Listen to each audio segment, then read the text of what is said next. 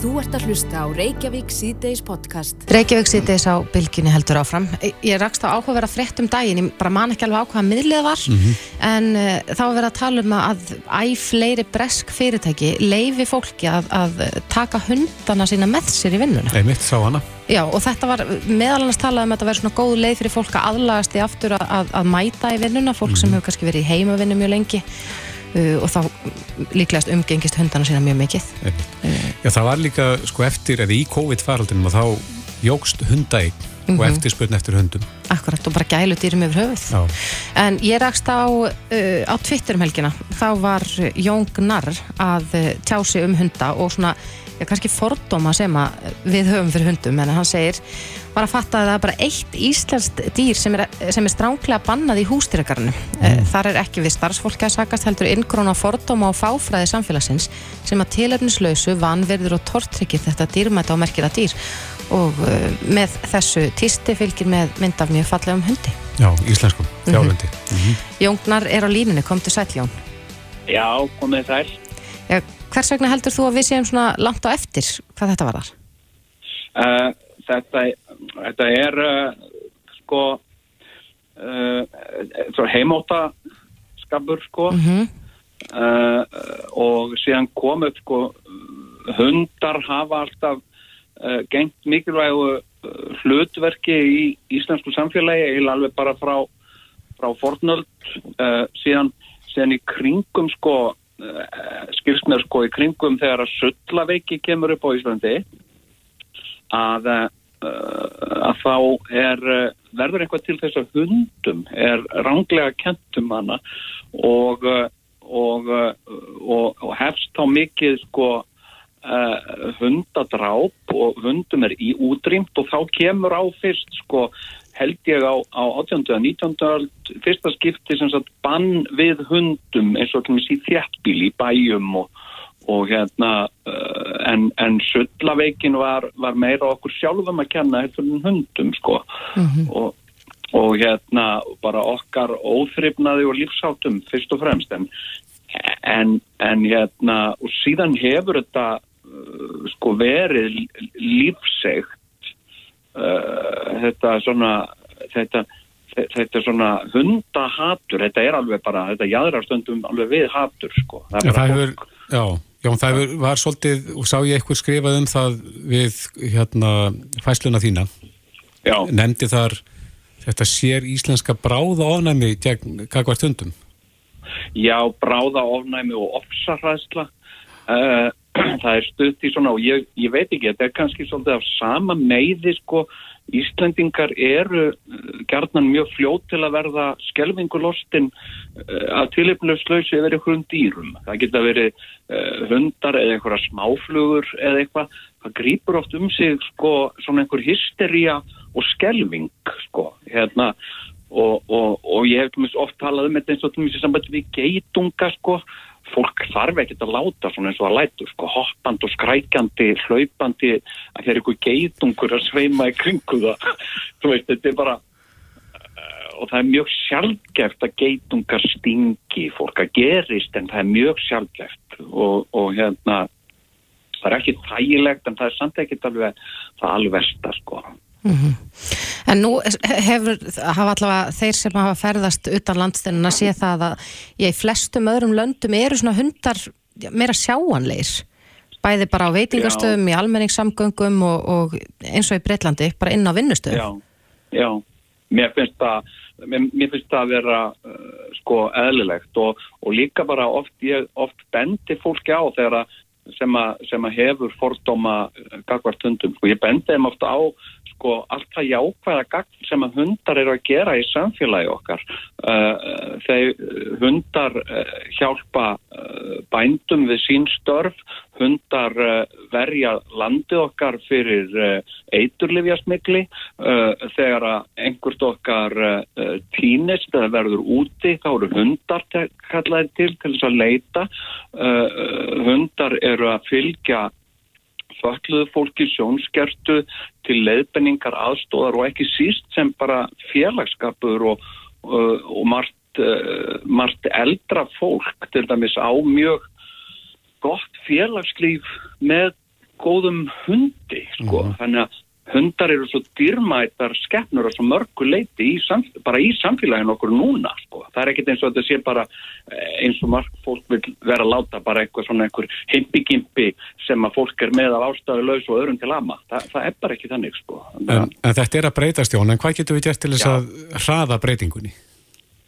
Uh, uh, sko, ég, ég uh, myndi nú sko vilja, ég myndi vilja svona að rödd uh, borgar yfirvalda, til þess bara í okkar tilfelli reykveikinga, uh, væri aðeins skýrari og svona, og, og kannski uh, hérna slægist, slægist í lið með okkur hunda eigendum sko. en ég sé þetta sem svo að því að ég nú átt hunda lengi og á einn hund og, og mér finnst þetta samt vera sko uh, svona aðalega hjá svona eldra fólki. Mér finnst ungt fólk svona sem ég hitti með hundin uh, sjaldan sína einhverja svona fordóma. Það Það er helst ef einhver er, er smeykur, sko, einhver er smeykur við hunda sem ég finnst alveg skiljanlegt, sko.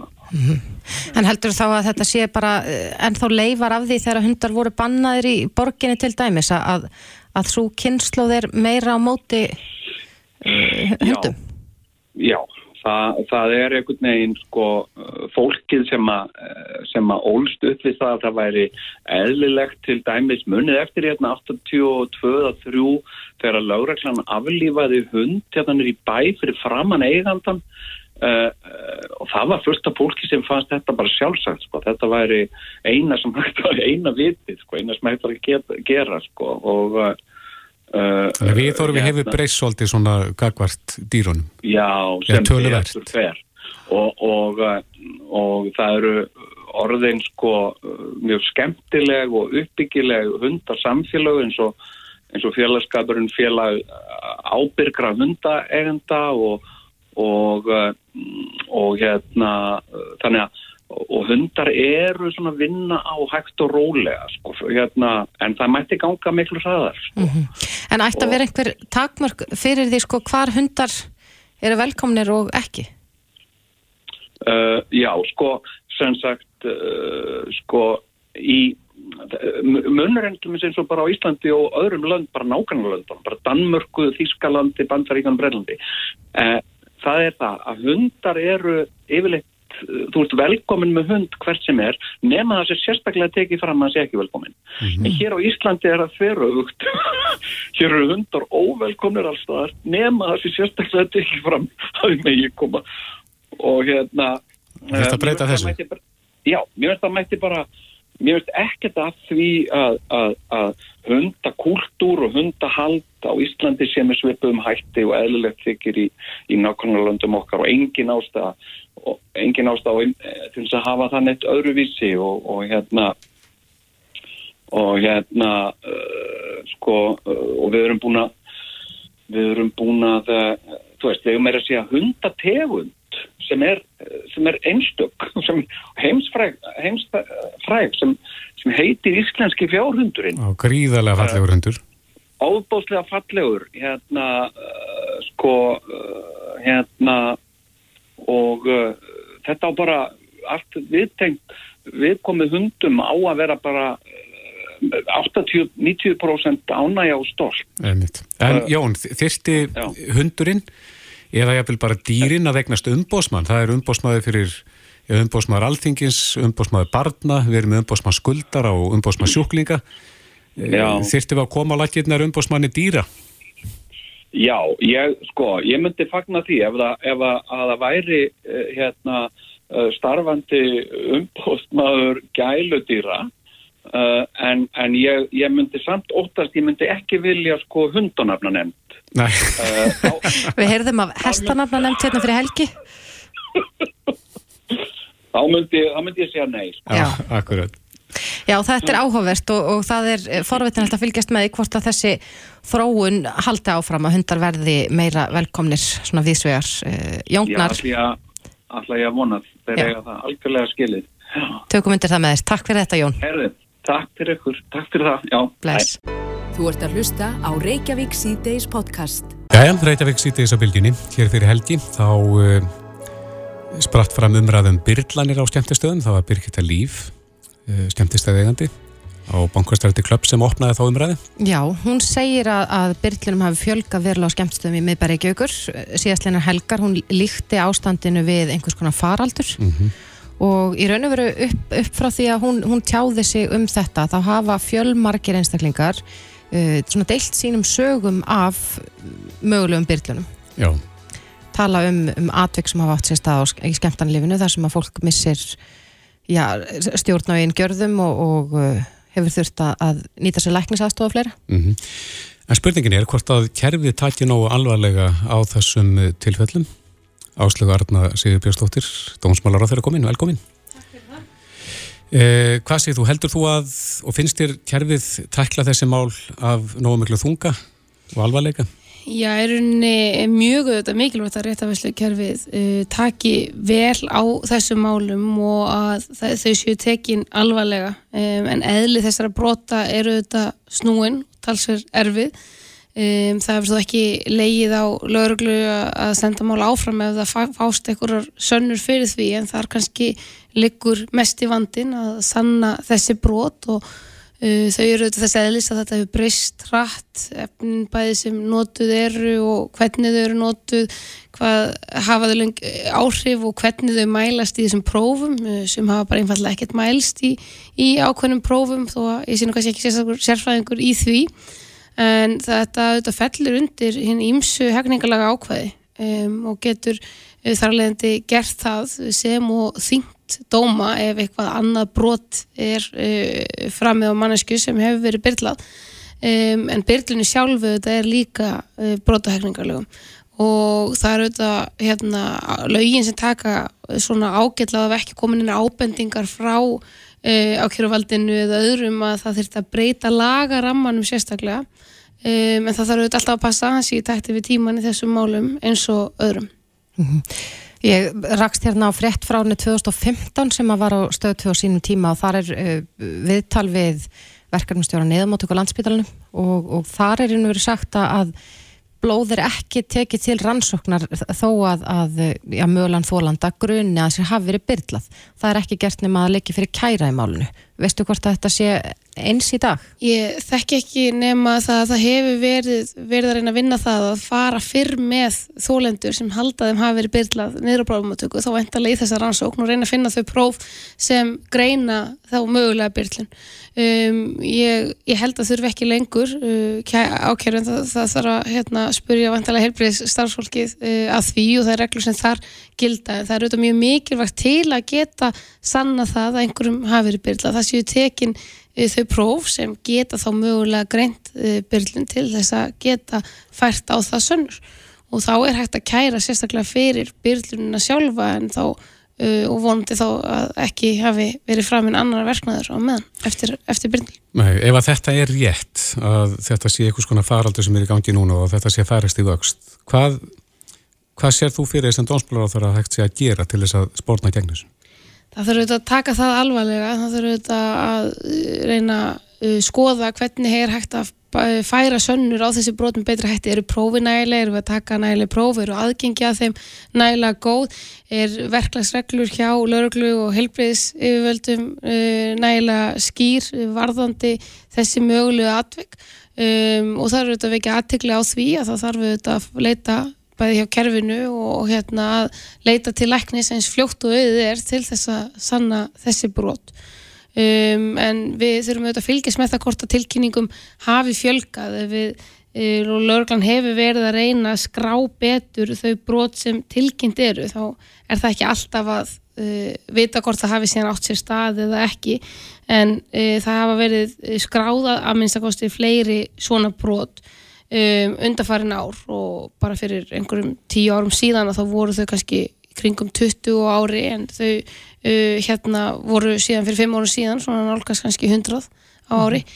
og ég þekki ekki töluna núna, hef ekki fengið nýjustu tölunar en hef óskað eftir því og, og það þarf auðvitað að fylgjast vel með þessu og mikilvægt að fólk tilkynni um uh, ef það, ef það hérna, telur að sér hafi verið byrla og það leiti þá til læknis til þess að gangu skuggum það til þess að hafa sannir fyrir því Mm -hmm. Ertu með það á, á hreinu sko, hvað, hvað viðurlög eru við slíku broti? Segjum sem svo að, að manneski að þetta virkar eins og mjög skipulagður glæpur að þú, að þú byrlir einhverjum ólefjan í, annarlegum tilgangi mm -hmm. hver, hver, hver eru refsingar fyrir slíkt? Þetta getur varða við hinn ímsu hekningalega brot þetta getur þetta uh, bara varða við ákvæðum líkamsáros um, þetta getur varða við ákvæðum frelsisviftingu Uh, þetta getur varða við hættubroti og getur, komur ekki manneski til aðstóðar uh, þetta getur varða síðan uh, við þetta nöðgun og verið þá þing, refsið þinging ástæða hérna, um, það er hérna, nöðgun eftir að þér hafi verið byrla og þannig eru þetta refsið rammar alveg upp í hérna, hvað, 6, 14 ár ef ekki um, en bara kannski byrlunum þá er það kannski frelsis sviftinga einhverju leiti þegar ég er líka maður en, uh, en það er svona, þetta eru ímisbróð sem hægt er að fella þetta undir og Kolbrún þegar saksóknari hefur nú fjallaðins um þetta og, og hérna og það verður ekki komin inn á aðtöðu sem drum að það þurfi að einhvern veginn skýra þennan laga ramma heldur þurfi kannski frekar að horfa til þess hvernig getur við sanna þetta á búið þannig um nútana að fólk uh, nálgist, geti nálgast þá aðstóð og, og svona þann aðbúnað uh, til þess að eiga þess kost. Já, geta skemmtistæðinir eða eigandu þeirra gert eitthvað í þessari baróttu? Já, það er auðvitað fylgjast líka með þróun annar landa, það er auðvitað uh, sumlöndi leita meira á fólki og það kemur inn en auðvitað geta efnin verið mjög smá og við höfum auðvitað upplifað það bara á það sem ég þekki kannski fangilskerfinu, þú getur komið inn með efni alveg hérna á hennum ymsu stöðum og það dugaði alveg fleiri hundru skamta Um, en um, á sama tíma þá eru þetta eftirlit uh, allt eftirlitin að skemmtistum til góðs og þessi svona vitunda vakningum enkenni og að fólk uh, hérna horfi til nángast í þessum efnum. En við þurfum auðvitað fyrst og fremst líka einbit okkur að þessum gerundum og átt okkur á því hversu stort þetta uh, vandamáli er, þessar sögur eru alvarlegar og, og þeim ber að taka alvarlega. Akkurat, Áslu Arna Sjóbjörnsdóttir Dómsmálar áttara, takk kærlega fyrir komuna. Takk fyrir mig Þetta er Reykjavík C-Days podcast. Reykjavík C-Days á bylginni heldur áfram uh, samfélagsmiðlarinn og mikil uppspretta umræðu mm -hmm. og ég rakst hér á í dag uh, umræðu um brjóstapúða Já.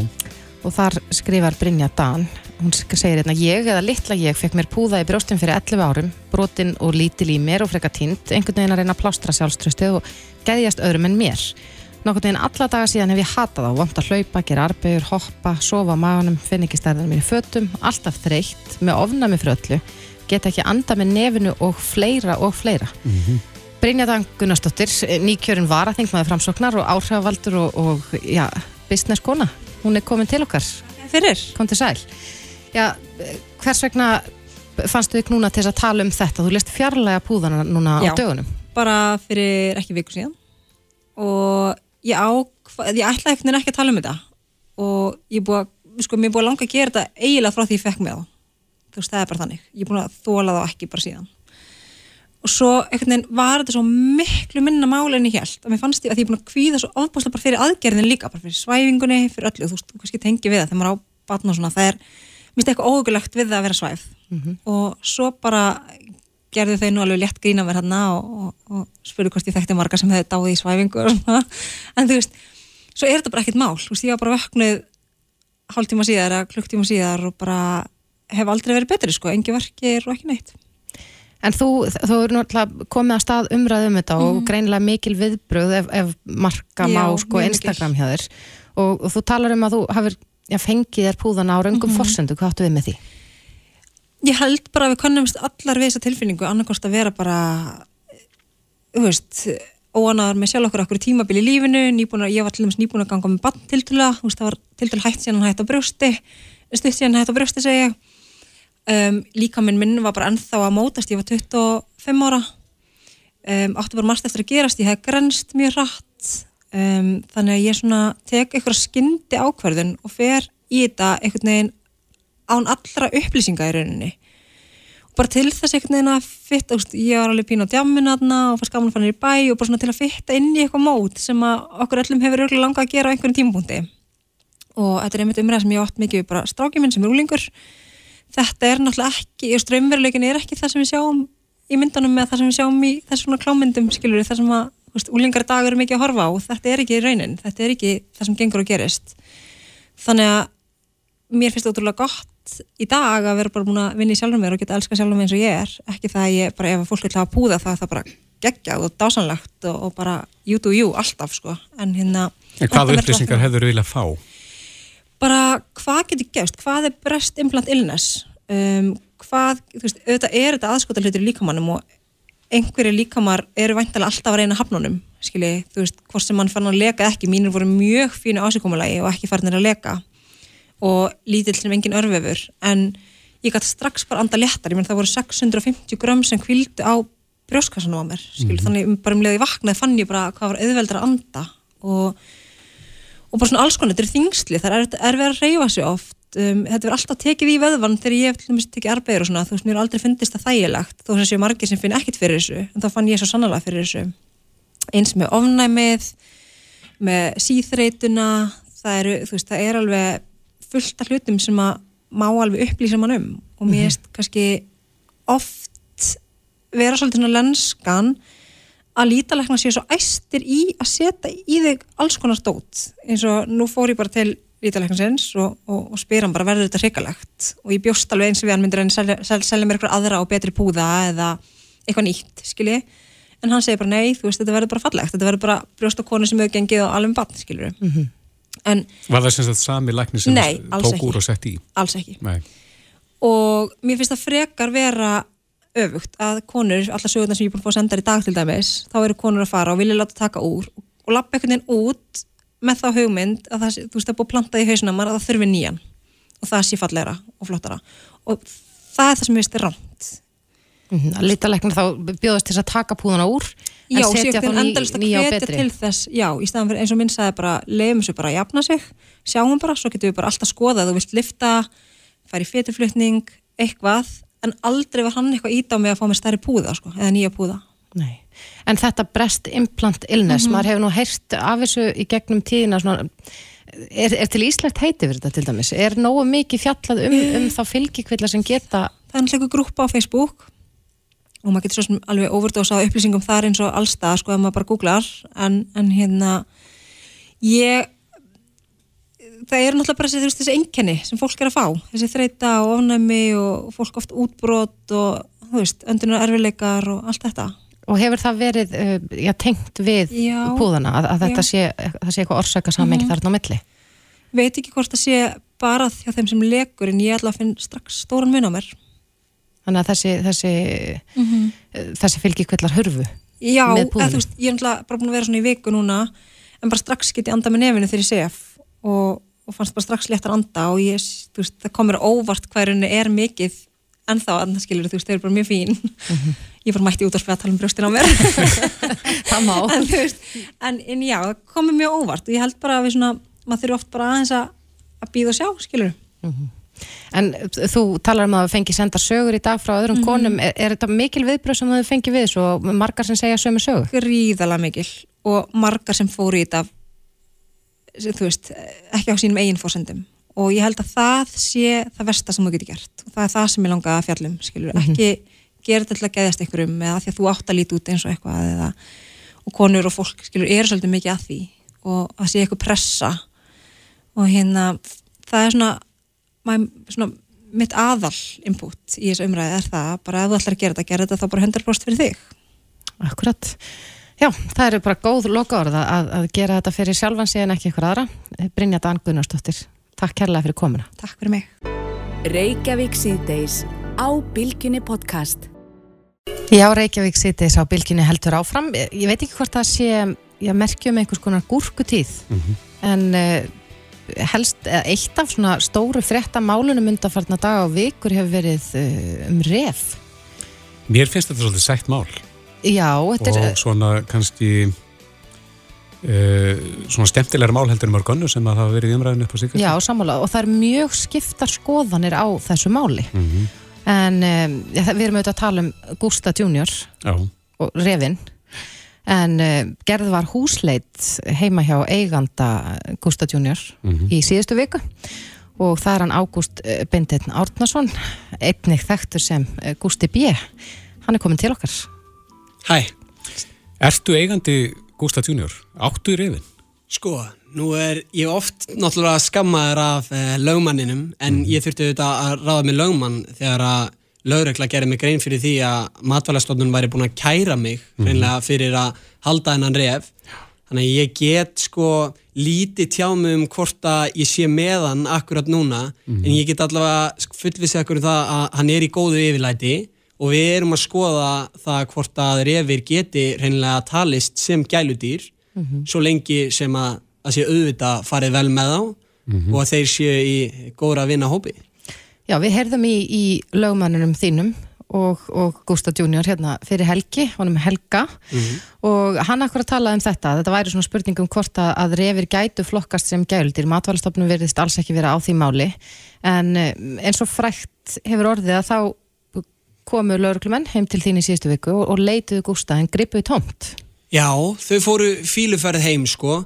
En það var nú eftirlitsmaður mast sem að tilkynnti mér það að þetta væri ekki búið þessu væri ekki lokið og að þau myndu ekki stoppa núna sko Varstu heima þegar að húsleitin var gerð? Já, já, ég var heima sko, tók á mótið þeim. Getur þú lísti henni aðeins fyrir okkur? Já, sko, ég er nú ekki vanur húsleitum en þegar þau komuð á, á brámissoldið sko fatta ég að þetta væri svona orðið alvöru mál Já.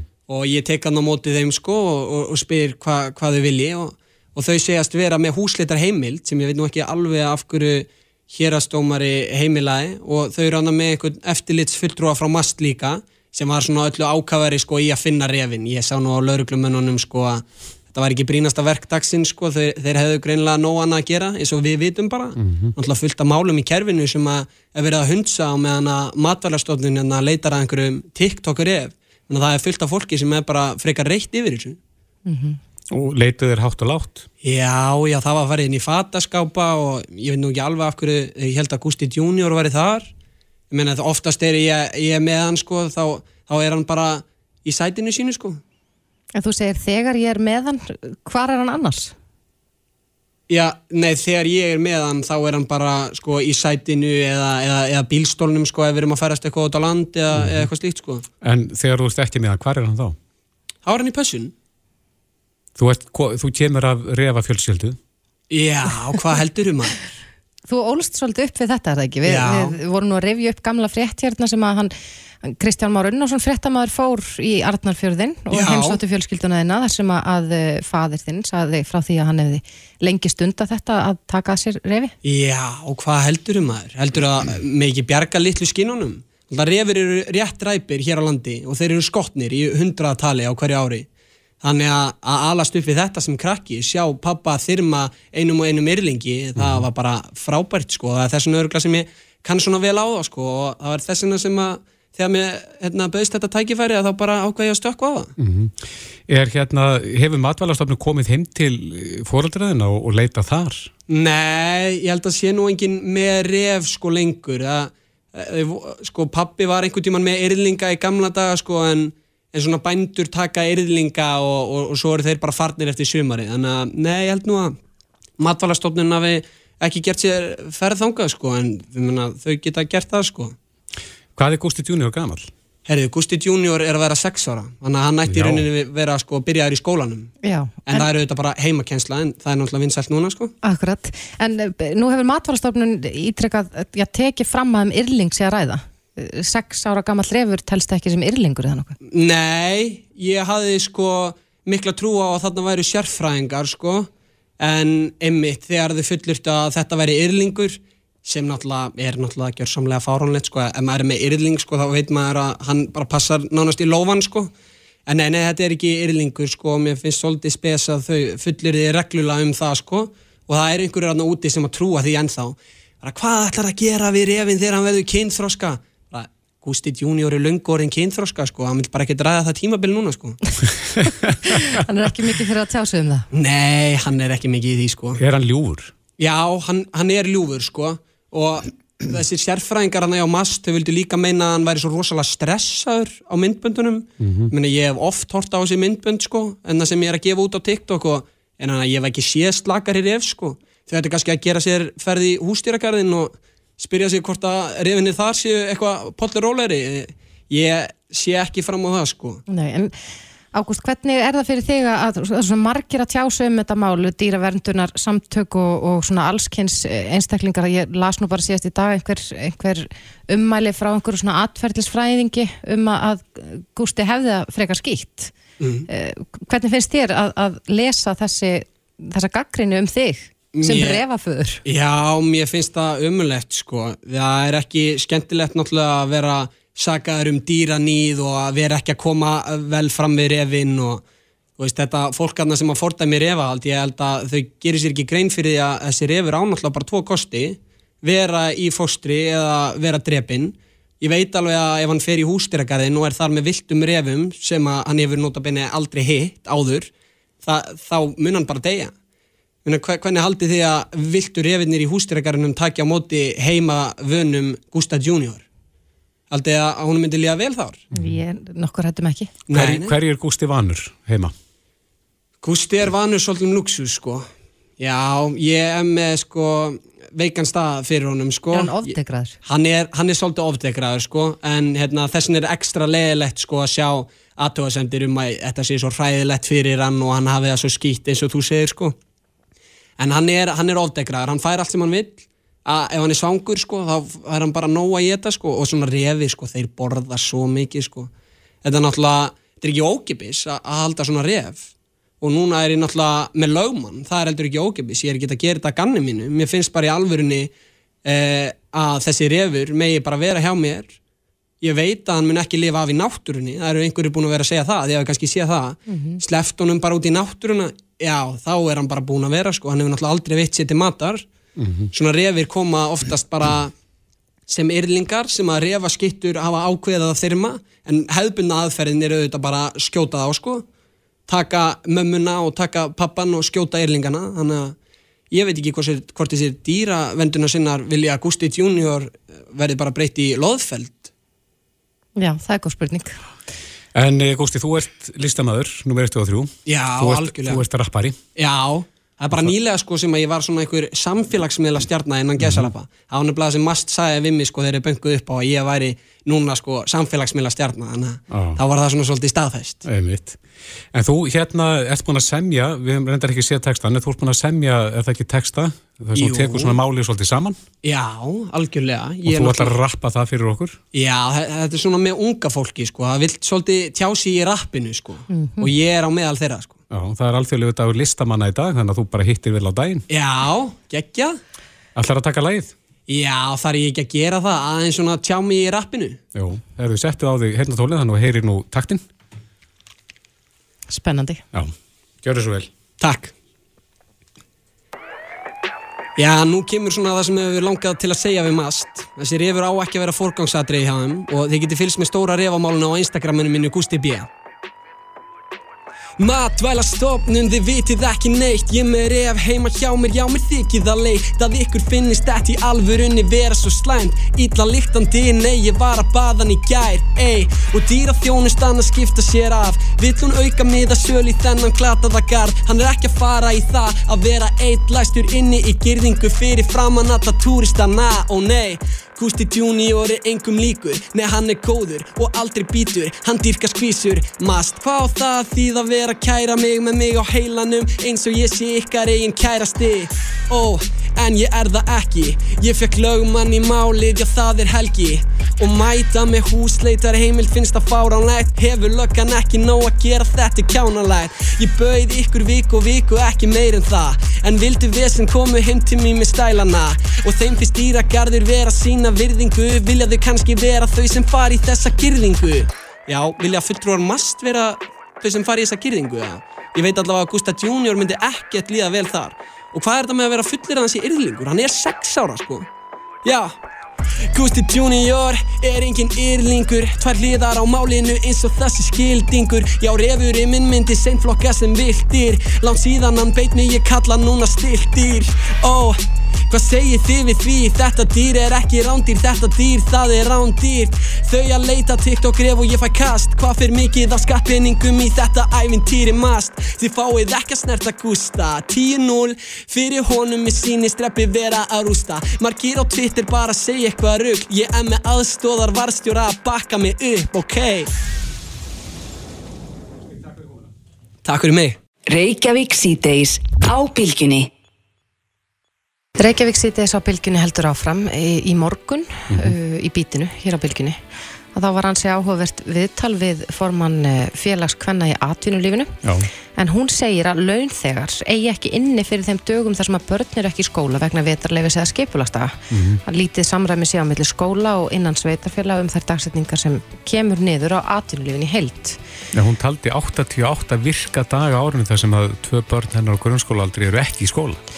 Já, það eru ansið margi dagar, það hljómar eins og það sé svolítið mikið Já. Og svolítið stórt bil sem þarf að brúa en það er spurning hvað hva kennurum finnst um, um þessa umræðu hún kemur auðvitað upp frekar oft en á línunni hjá okkur er Þorgerður Laufveit Yðriksdóttir formaður félags grunnskólakennara kom til sæl Þorgerður Já, komið sæl. Já, hvernig slæri það ykkur kannski fyrsta spurninga að, að, að þegar að þessi umræða fer af stað? Jú, í fyrsta lagi er þetta náttúrulega, eins og þú segir, eh, svona umræða sem fer oft á stað og hún snertur okkur náttúrulega mismunandi. Sem er kennarar upplifa að þarna sé verið að benda á að við séum ekki að vinna nægilega mikið eða ásverkið okkar sé ekki fullt en ég held að staðan sé raunverulega ekkert svo heldur sé verið að benda á að, að foreldrar á Íslandi vinna mikið og það þarf að sjálfsögða að finna börnunum þeirra uh, rými og, og umgjörð þegar foreldrar eru í vinnu en skólinn hins vegar og sérstaklega grunnskólinn, hann starfar eftir lögum og aðalnámskrá og það er alveg ljóst að kennararnir sem að í því kerfi vinna eru að vinna meira heldur en fullt ásverk á hverju ári. Þannig að það þarf þá að breyðast við sem einhverjum öðrum hætti eins og til dæmis það að, að finna uh, lausnir í því sem kannski má segja að sé verið að kalla eftir gæslu fyrir börnin þegar, þegar skólanir eru þá að sinna öðrum þeim verkefnu sem að uh, kallar og er nöðsynleg eru til þess að geta uh, staðið að heilstæðu námi fyrir börn í tíu ár. Þe- Þessir dagar 88 eins og hún nefnir þarna, eru þetta ekki allt frídagar kennara? Nei, langt í frá. Uh, fyrsta lagi, sko, þá er öllu blandaði saman og eðlilega. Ég meina, foreldrar er ekkit að þurfa að kunna, uh, hérna, sko, kunna, uh, sko, hérna, skipsáætlun s- skóla. Staðrindin er hins vegar svo að það eru uh, fimm skipilagsdagar í grunnskóla á starfstímaskóla og þeim er ætlað sko kennarahópnum og starfsmannahópnum er ætlað að finna þeim stað þar sem að þeir eru hvað nöðsynlegastir og það er mjög mismunandi hvernig skólar eru skipulaðir. Þessir dagar eru mjög oft í tengslum til dæmis við fóreldraviðtöl þar sem kennarar eru þá að vinna að námsmati og öðrum þeim þáttum sem þeir þurfa þá að koma á framfæri, annar skipti og annað sem að eru bara nöðsynlegir til þess einmitt að skoða og meta hvort að það sem verið er að gera sé raunhæft og réttmætt og, og, og, og nái til þeirra barna sem að námið á að beina stað. Uh, í, í viðtalinu morgun þá kallaði formaður félags atvinnulífsins, nei félags kvenna í atvinnurekstra afsakið uh, eftir breyðri samstöðu. Allt frá ríkistjórnin yfir í verkefælisfélagin og, bendur á að það styttist í að kjærasamninga við kennar renna út um áramótin. Er, er einhver löst fólkin í því? Þarf að breyta kjærasamningum eða er þetta spurningum að við séum mögulega að byrja á raungum enda? Nei, ég fagna auðvitað ákallum samtal um, um skólan og um mikilvægi þess einmitt að það sé hægt að halda út í góðu skólastarf á Íslandi og það eitt auðvitað gerist ekkit bara í tveggja manna tali. Uh, ég skil vel einmitt þessar áhyggjur, má jafnframt kannski benda á að nú er búið að, að semja um styrtingu vinnuvikunar og þá má horfa til þess við alla aðra heldur en til dæmis uh, kennara, grunnskólakennara og framhalskólakennara og háskólakennara. Og það má kannski skoða það að, að svo styrting verði með fjölskyldu væn þannig að foreldra geti þá uh, lagað sína vinnu að þeim uh, þörfum sem að fjölskyldan kallar á samanbyrð þessar dagar sem þarna voru nefndir, auðvitað tvö börn og, og vonandi fleiri heldur neitt foreldri. En, en, en svo bara sko er alveg ljóst að það er ímislegt sem að mun þurfa að endur sko ekki síst í framleiðinni í skólum. Og, og staðrindin er svo að, að kennarar eru í sjálfu sér að kikna undan vinnuálægi þannig að það þarf einmitt að finna leið til þess að minka vinnuálag á að minnst okkurstu grunnskólakennara eins og staðan er núna. En það gerist ekkit með svona einhliða upphrópunum. Því að starfstæðarnir sem slíkir er eitthvað kannski stóra máli sko. Þeir eru þetta bara eins og flest öll fyrirtæki og, og flestar stofnarnir átt að segja því að það þarf tíma til samstarfs og, og, og svona að greina hlutin og það er gert til dæmis á starfstöfum mm -hmm. og þannig að þetta, er, þetta er ekki bara kjara sammingsmyndi, það, það, það þarf bara fleiri kennara sko, það er bara þannig En er þessum, með, með hverjum kjara samningi er þá þessum dögum að fjölga? Það sé þetta hluti Nei, af samningum við kennara? Þetta er búið að vera óbreytt, skal ég segja ykkur, síðan í 2002 2001 uh, skóladögum barna, uh, grunnskólabarna var fjölgað uh, í kjara samningi 2001 úr 170 daga í 180 og þannig hafa það verið raunverulega óbreytt frá 2001 þannig að það er engin breyting en það má kannski líka líta svo á að sko, skólinn sem er þá uppbyldur svo mentastofnun þarf auðvitað að taka mið af þroska barnana hversu mikið nám þau raunverulega geta tekið inn á þessum tíma þar sem að þau eru þetta þroskast og þurfa líka eh, annars konar eh, svona til dæmis sem sam, samveru við fjölskyldu mm. og, og, og, og tómstundir og annað þannig að En fólki finnst líka að, að eh, það þurfa að hlusta að þetta þurfa að vera í takt við atunulífi líka. Já það er það sem við heyrum og auðvitað erum búin að heyra lengi og ég skil svo vel en, en þá kemur á því sem hún kannski nefndi og þau tól töluðum að það þarf auðvitað þá að leggja auki fjármagn frá ríki í, í skólakerfið til þess að það getur þá komið og tekið utanum það sem fóreldrar er að kalla eftir uh, aukna gæstlu og, og, og auki, aukna viðveru barna í skóla því það muna þetta uh, auka mannablaþörfina enn mhm. frekar. Mm -hmm. En nú hefur oft verið talað um að þetta eru sömarleifi í skólum svona lengri heldur en, en já, hefbundi sömarleifi hjá fólki á vinnumarkaði og svo eru þetta vetrafrí líka og jólafrí og, og fleira í þeim dúr. En er það gert, þessi löngufrí, er það gert með börnin í huga? Ég held að þessi löngufrí séu einmitt uh, gert með það í huga að börnin þurfa jafnvel tíma til þess að svona vinna úr því sem gerðist eitt skólaárið og koma svo full tilsakkunar inn í næsta skólaár. Það þarf ákveðna kvild og en... nú er búið að, að setja í flesta kjara samninga að, að launþegars eigið 30 virka daga í sumarorlof og ef við bara horfum á það að að þá eru 42 dagar sem að grunnskólinn er lokaður og það eru þá 12 dagar umfram þess að 30 daga. Ég veit ekkert hvort að 30 dagar í sumarorlof sé endilega eh, einhver töfra tala sem hafi verið búin til í kringum það hversu mikilvægt það er að fá eh, kvíld frá, frá, frá störfum sem að einstaklingar er í. En staðan er hins vegar svo að það hefur verið að frengja allverulega að eh, þeim tíma sem að Uh, börn fá sumarfrí því það var lengra áður heldur en það er núna og er mm. viðast og sumlöndum uh, hérna annar tími þó svo að þetta sé tímin sem að, að við erum með og þá er það ekkit allstaðar þannig. Sumstað byrja skólar í september. Það er bara mjög mismunandi hvernig, hvernig skóla árið er mm -hmm. bæði út frá menningu og, og aðstæðum. Akkurat, en oft beinast spjón, spjótin svolítið að kennurum í þessar umræði, finnst ykkur það er já réttmætt? Nei, ég held að kennarar fái oft bara í magan yfir því hversu mikið þeir eru að beina spjótum að þeim sérstaklega því að það eru auðvitað ekkert kennararnir sem að uh, sko búa til þá hérna, það vinnum hverju sem við búum við heldur er þetta, þetta bara uh, samkvæmt lögum og, og aðnámskrá. Svo verðum við þetta bara að taka miða því að við erum að vinna með lítil börn og, og hérna og spurningin er bara reynlega hvort að við séum að leggja of mikið á börnin og það, þau er bara gangi í takt við okkar fullorðinslíf öllum stundum eða hvort að við þurfum að nýta styrtingu vinnuvikuna núna uh, inn í þá staðrind að börn þurfa hugsanlega bara líka að, að fá sumarfrí og svo kannski upplifun sem er þá utan við það sem gerist í skóla. Já, það þarf að samþætta þetta betur greinilega.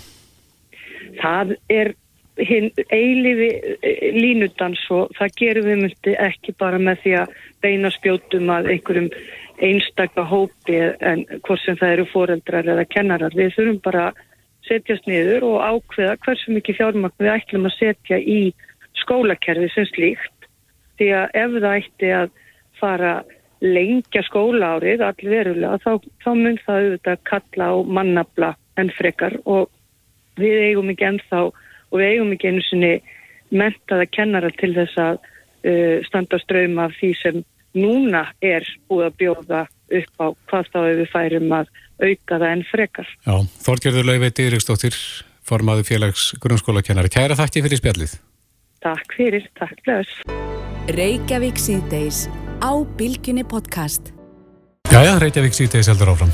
Herðu, ég vil nú segja reyna lilla sögu. Já, endilega. Uh, ég þurfti að fara með bíl í peruskipti í morgun. Mm. Þar sem það var farin aðaljósa peran öðrum einn. Þannig að ég fer á, á fínt uh, vegstæði fyrir austan á Salfossi Mm -hmm. og spyr hvort ég geti skipt um peru og það var ekkert mál. Þetta er fjórar ára gammal bíl. En uh, síðan lendir bifjöluvirkinn bara í vandræði með það að komast að perunni. Já. Hann sagði að það þyrti helst sko hendur á sjö ára barni til þess að komast að þessu vegna þess að þetta var svo þröngt. Já, ég held að við verðum bara að fagna því að það sé ekki sjö ára börn að vinna á bifilverstaði. Ég, ég fagna því líka. Já. En uh, þetta endaði sem sagt þannig að bílinn hann þurfti að fara upp á liftu, hún var liftu upp og svo var fram hérna stuðarinn tekin af í heilu lægi og ljósið losað. Þetta var heilmikil aðgjörð til að stifta með hennar peru. Þetta hljómar er svo mjög mikil aðgerð. Ég held að maður gæti nú bara rent upp að já, næstu smörstöð eða bensínstöð eitthvað að fengi aðstæðu maður ekki færi í þessu sjálfur. Já, þetta var þannig að maður bara tók úr og sett í án mikillega fyrirafnar. En uh, á línunni er uh, Björn Kristjánsson, sérfræðingur hjá FIB. Komdu sæl. Já, komið sæl. Já, þið hjá félaginu, þið hljótið að heyra af slíku málum reglulega? Já, já, þetta er, kemur reglulinn á bort til okkar fyrirspurni varðan þetta.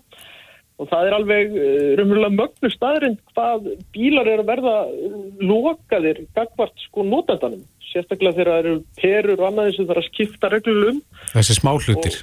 þessi smá hluti sem að maður einmitt er vanur að geta bara skipt um á, á hérna, heima á plani eða fengi einhvern til að vippa í að það bara svona senustu árin og þá bara er þetta alltaf verið að lokara og lokara og, og, og virðist stundum bara eins og, og hönnuðinir gera í því að, að, að stoppa mann af því að geta synd einhverju sjálfur. En hver ætla ástæðan fyrir því sé? Ég veit ekki hvað það er. Það eru kannski sum- sumir sem myndu vilja segja að það sé til þess að passa að enginn sé að fykta í því sem það er ekki að fykta í og vilja fá bílinn frekar inn á til henni þjónustuverkstæði. En, uh, en af einhverjum ástæðum þá er það þannig að, að, hérna, að þú bara átt í bölvumandra með að koma til dæmis ljósaperu í, í hérna, framljósaperu í bílinn um að fara í stærra aðgerir og, uh, og það var bara þannig eins og uh, bara fyrir nokkum áratugum að þá gastu sett vifturreimina bara upp á hérna, það sem þú stoppar kannski upp á heiði eða, eða eins og segir skiptum um framljósaperu. En eru einhverjar bílategundi sem eru verri en aðrar eða er þetta bara yfir línuna? Já, það er ekkert svona einn sem að kannski ekki bent á.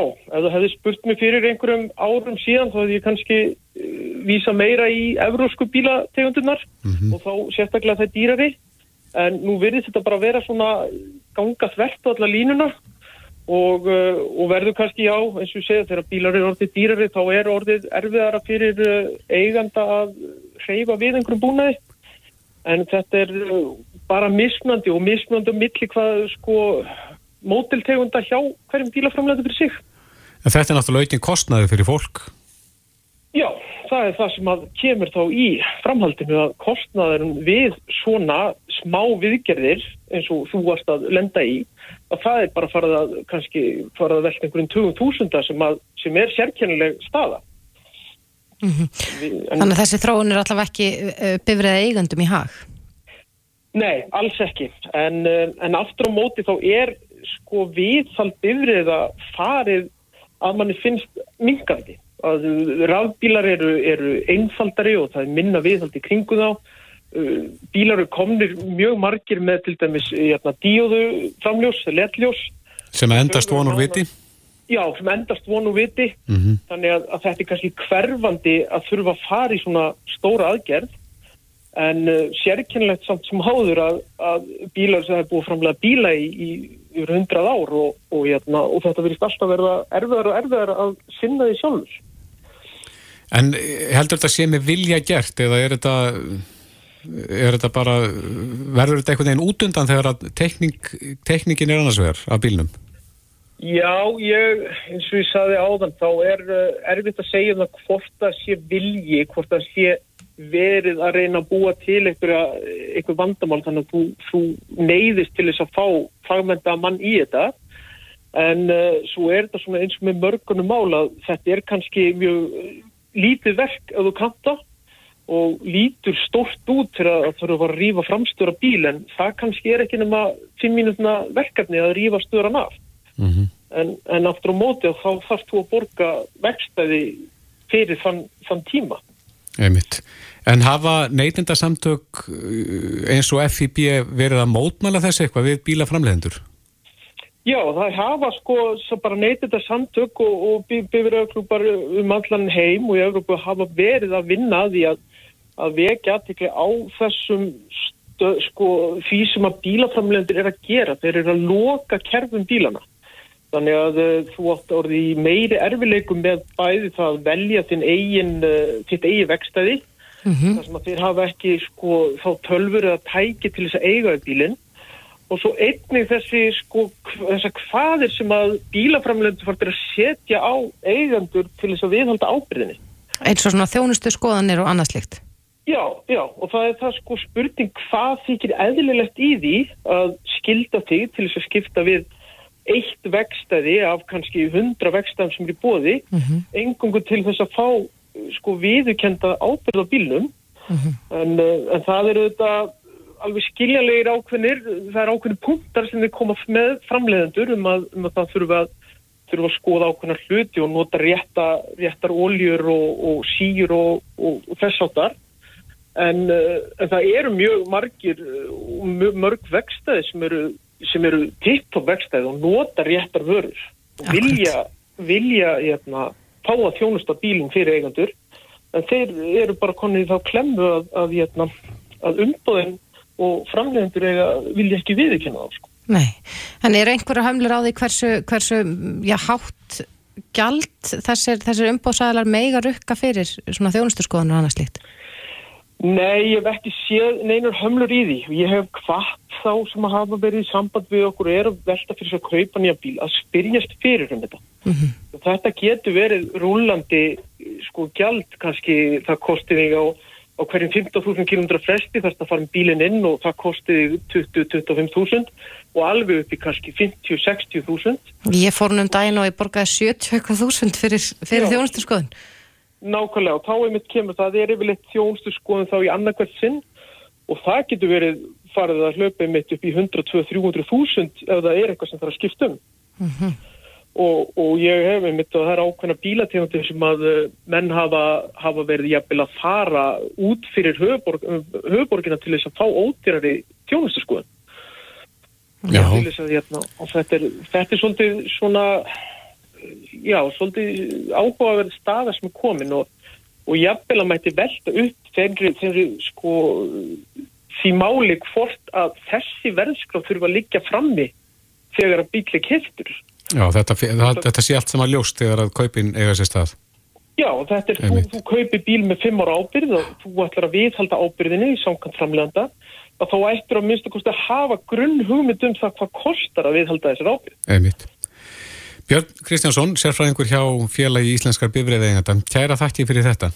Já, takk kærlega. Hlustaðu hvena sem er á Reykjavík C-Days podcast. Jæja, nú Reykjavík síðdeis, það er ekki að hverjum degi sem að kíkja til okkar miljardamæringur í spjall. Nei, eða það, svo segir sagan. Við munum öll eftir því hérna, fyrir ekki löngu síðan var ekki í júli sem að íslenskur fjölskyldu fadir Já. vann rúman miljard, held ég, 1,3 miljarda í var það Eurojackpot eða, eða Vikingalotto Ég eitthvað held að það slikt veri Euro hérna jackpot. Já, þetta var, stærst, þetta var Vikingalotto fyrir ekki að stöndu hér, Var þetta var stærsti vinningshafi í sögu Vikingalotto á Íslandi. Já, og hann fekk, fekk þennan svakalega vinning. Maður á fertugsaldri eða ekki? Maður á færtusaldri, fjölskyldufaðir. Mhm. og hinga til okkar er komin Kolbjörn Tumi Daðarsson, Á maður á færtusaldri og fjölskyldufaðir. Tumi, þú uh, tjáðir þið aðeins ver, verður velkomin, Takk hella fyrir. þú tjáðir þið aðeins á, á Facebook fjersbókar síðunin í gær og segir þar frá því að þú hafir aðeins djóka með það í upphafi að þú værir þessi fjölskyldufaðir á færtusaldri Emitt, það er bara þannig. og það vatt aðeins upp á sig Já, ég, mér minnir að það hefur verið í, jú- í byrjun júni, var þetta í júli? Já, í júli lottó? fekk hann allavega greitt, hann hafði það beðið í einhverja vikur Já, ok, en það allan að ég, ég deildi þessari frétt þarna bara á sínum tíma og skrifaði bara eitthvað uh, þetta, var, þetta var skemmtilegt eitthvað, allir bóðinir í partí eitthvað svoleiðis, trillt partí og ég held að þetta væri nú kannski svolítið augljóst og verðlega margir sem að tóku sama brandarann eða tökkuð eitthvað að vini eitthvað sem að, að því ég bara passaði að vera hann prófíl uh, fjölskyldufæra á færtusaldri Mhm. en hérna og svo bara pældi ég ekkert í þessu. Og svo liði marga vikur og svo allt í hennu bara í byrjun ágúst sendir hérna vinkona mín sem er úr fjölmjölabransanum og, og búin að þú veist, engin vitleysingur sendir mér allt í hennu bara, en bara mjög stutt Tumi, ertu miljardamæringur á message. Og ég bara svona var ekkert að tengja, ég var lengur búin að gleyma þessu einhverju, einhverjum random joke um eitthvað miljard sem að ég var ekkert að pæla og ég bara byrju, ha, nei, byrju, af, af hverju þetta spyrja? Það er einhver massa kjafta ég er að lesa bara skjálubóðin eins og við vorum sendina það er einhver massa kjafta að í gangi að þú hefur unni miljard í vikingalotto og þá náttúrulega hugsaði já, er því bara statusin sem ég skrifa hérna gríni hún er eitthvað svona, jú eða eitthvað sem var á innstæða, ég veit ekki hvað. Þetta er allan orðið á götunni, ég bara varð að spyrja eftir að þetta úr tveimur mjög ólíkum áttum. Þetta fannst mér náttúrulega bara geðið fyndið. Þannig að sagan var komin á flug. Þannig að það var komið eitthvað smáflug. Þannig að ég sá mér leik á, á borði fannst ég ábúslega sniður þá. Svona sé pínu eftir þessu núna ekkert rosalega, þetta er ekki eitthvað, eitthvað hrikalegt. En slóðu svo ennþá mér upp og eitthvað fór inn á Facebook og skrifaði nýja status um að ég ætlaði ekki að breyta út af vananum og fara að tjá mig um fjármál mín en bætti við að að vinskapur minn nýtir komið við Bill Gates og nýju Teslutnar og nýja einbili á Arnænesinu það væri bara mitt enga mál og þar með held ég að þetta væri svona svolítið augljóst að, að þetta væri bara eitthvað að grína. Undist er eitthvað djókið svolítið mikið Já. en einhvern veginn hefur þetta öðla sér eitthvað svona þú veist, ég held að þetta sé svolítið augljóst en, en ég veit ekki hvernig það gerist þetta gerist stundum í fjölmjöla heiminum að það byrja bara, ja, bara á messenger að, hlutir eru sendir, kannski eru eitthvað tekið skjáskot þetta fer í allar áttir eða eitthvað en um tíma var þetta bara svona fólki í fjölmjöla kreðsunni sem ég er búin að vera í, í svolítið mörg ár sko Mhm. en svo allt einu daginn var ég í, í partíi með vinnum mínum, við erum tíu vinnir og, og það er einn Dani í hópnum og Íslandingarnir höfðu ekki hreitt þetta og Danin náttúrulega búið stist hérna á Íslandi og, og hann kemur og, og segir eitthvað, hei Tumi, lási að ég hef séð þig. Ég bara, fyrst þú var að koma ykkur, ég bara veð fá að spöða þig bara einn spöða, ég hef að þú er búin að vinna miljáðu eða eitthvað svona lok og ég bara, býtu, er Danin búin að heyra þetta? Þú veist, hvert er þetta komið? En svo fekk konaðin líka skilabóðið ekki? Eða Jú, símtal um þetta mál? svo bara, jú, bara virtur, virtur fréttamaður og, og stór vinkona hérna Selmu kæðstunum minnar, hún, hún varða að ringja hana, hún þvertöku fyrir að hafa nokkuð tíðan trúa þessu, en var samt að ringja og fá þetta alveg á hreint, sko eins og fleiri, sko. Og svo bara einhvern veginn uh, hefur þetta svona, og svo kom eitthvað svona pínu eitthvað, eitthvað leiðindi, þetta var svona komin eitthvað spuni ofan á þetta eitthvað svona sem að ég bara, ok, heyrðu þá var ég svona pínu hættur að hlæja þessu. Æ, þetta er pínu leiðilegu vinkill á þetta. Og ég ætla ekki að íta undir það eitthvað kjaftaði sem var bara mega ynga sens eitthvað hérna, þá hugsa, heyrðu, kannski er bara best að hérna, þetta var skemmtilegur brandar í svo tvo mánuði, en hérna þetta er kannski bara komið gott. Já. Ef þú hefðir unnið miljardin, myndur þú segja okkur það núna? Ég hugsa ekki, nei. En út, ég, mér sýnist svona allavega á kommentum að fólk eh, haldi mögulega, ég veit að flestir er að grínast en mögulega eins og þú sért að þykjast hafa ekki unnið til þess að sko fela það á hafirunnið Einmitt, það er en mjög þetta er mjög, þetta er svona erfitt mál. Sagan heldur áfram. Já, þess er hvergin að loki Jú, ég held að þetta sé nú loki Kanski uh, á þeim nótum að ég- nú er ég búin að segja bara ég vann ekki miljard og ég, Mhm. hérna, og ég vinn sem blaðamaður. Ef það kæmi eitthvað til henni ljós að ég hefði verið að ljúa þá væri náttúrulega menn trúurleiki væri bara farin veist, Mhm. ég get ekki fjallað neitt veist, ég væri þá væntalega okay, ég, ég ætla bara ekki að tjá mig um það hvort sé ég hef unnið hann eða ekki, þú veist, eitthvað svona. Já, kannski einn spurning í lokin á hvernig bíl gerir herðu, í, hérna, hvað heitir þetta? Hyundai, í Hyundai 30 og ég einmitt þurfti að skreppa á hann í vinnu og ég tók á mig vænan krók til að koma á bústæði það er ódýrasta bensin. Við allavega höldum á sérst ekki miljarmæringur en, en Tumi Daðarsson Takk kærlega fyrir komuna Já, takk fyrir þetta Tumi, nú fyrir við að skipta yfir á fréttastóna þar sem að Tumi stendur vaktina. Já, það er komið leiðilokum hjá okkur í dag. Við verðum hér aftur á ferðinni á morgun. Þórdís, Brægi og Kristófi þakka fyrir sig. Verið sæl. Þetta er Reykjavík C-Days podcast.